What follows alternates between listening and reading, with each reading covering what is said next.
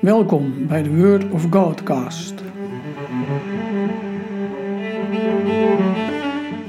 Mijn naam is Wim van Wijk. In deze podcast hoor je elke aflevering een meditatie over een Bijbeltekst, afsluitend met een kort gebed.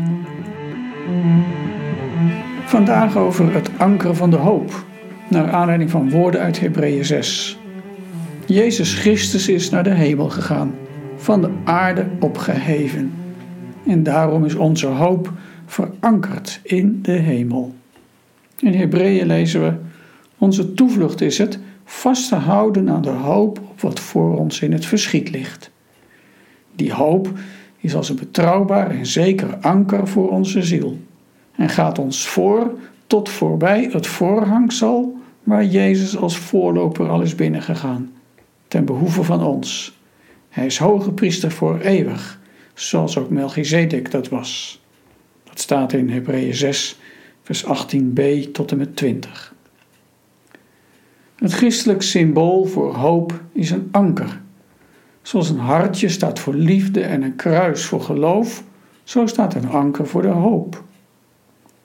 Een anker is een betrekkelijk klein voorwerp, maar het is in staat om een groot zeeschip vast te leggen op zijn plek. Wind en stroming hebben dan geen vat op het schip. En iedereen begrijpt dat een anker buiten het schip vast moet liggen. Het zou super dwaas zijn toch om het anker in het scheepsruim te leggen. Dat verzint toch niemand? Op dezelfde manier staat het anker symbool voor de vaste, stevige, onwrikbare hoop van de christen. Ja, in Hebreeën gaat het zelfs over drie ankers waardoor het geloof vast ligt. Gods belofte, de eed van God daaroverheen en de hoop. Een anker als symbool. Ik denk dat mensen allerlei punten in hun leven hebben die een anker voor hen zijn. Bijvoorbeeld ouders. Als zij wegvallen, wordt dat soms ervaren als het wegvallen van een steunpilaar. Of de kerk. Als er in de kerk dingen veranderen, zijn mensen van slag. Liederen, waardoor je geloof werd gevormd. Woorden, waarmee je aan je geloof woord gaf, raken in onbruik. Of het gebouw waarin je gedoopt bent, beleidenis deed of trouwde, wordt verkocht en gesloopt. Zo zijn er meer van die ankerpunten. En wat zijn ze belangrijk? Je hebt ze ook nodig.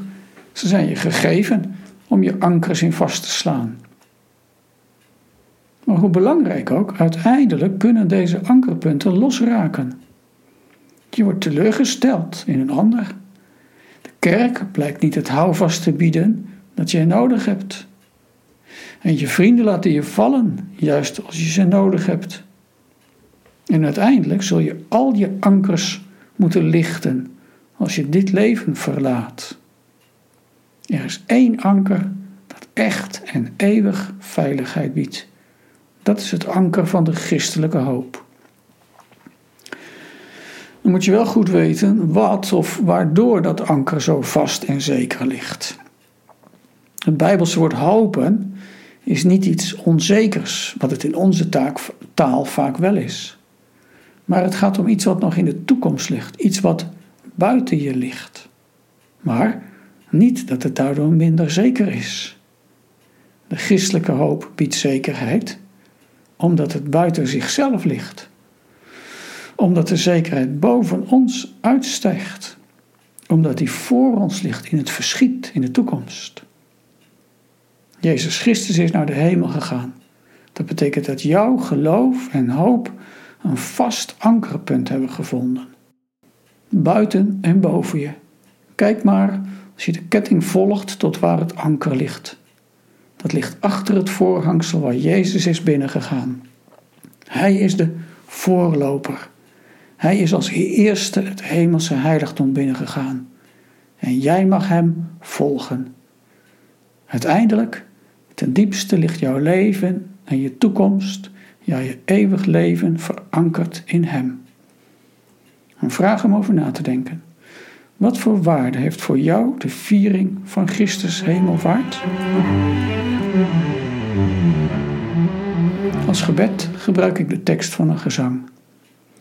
Ik heb de vaste grond gevonden waarin mijn anker eeuwig hecht.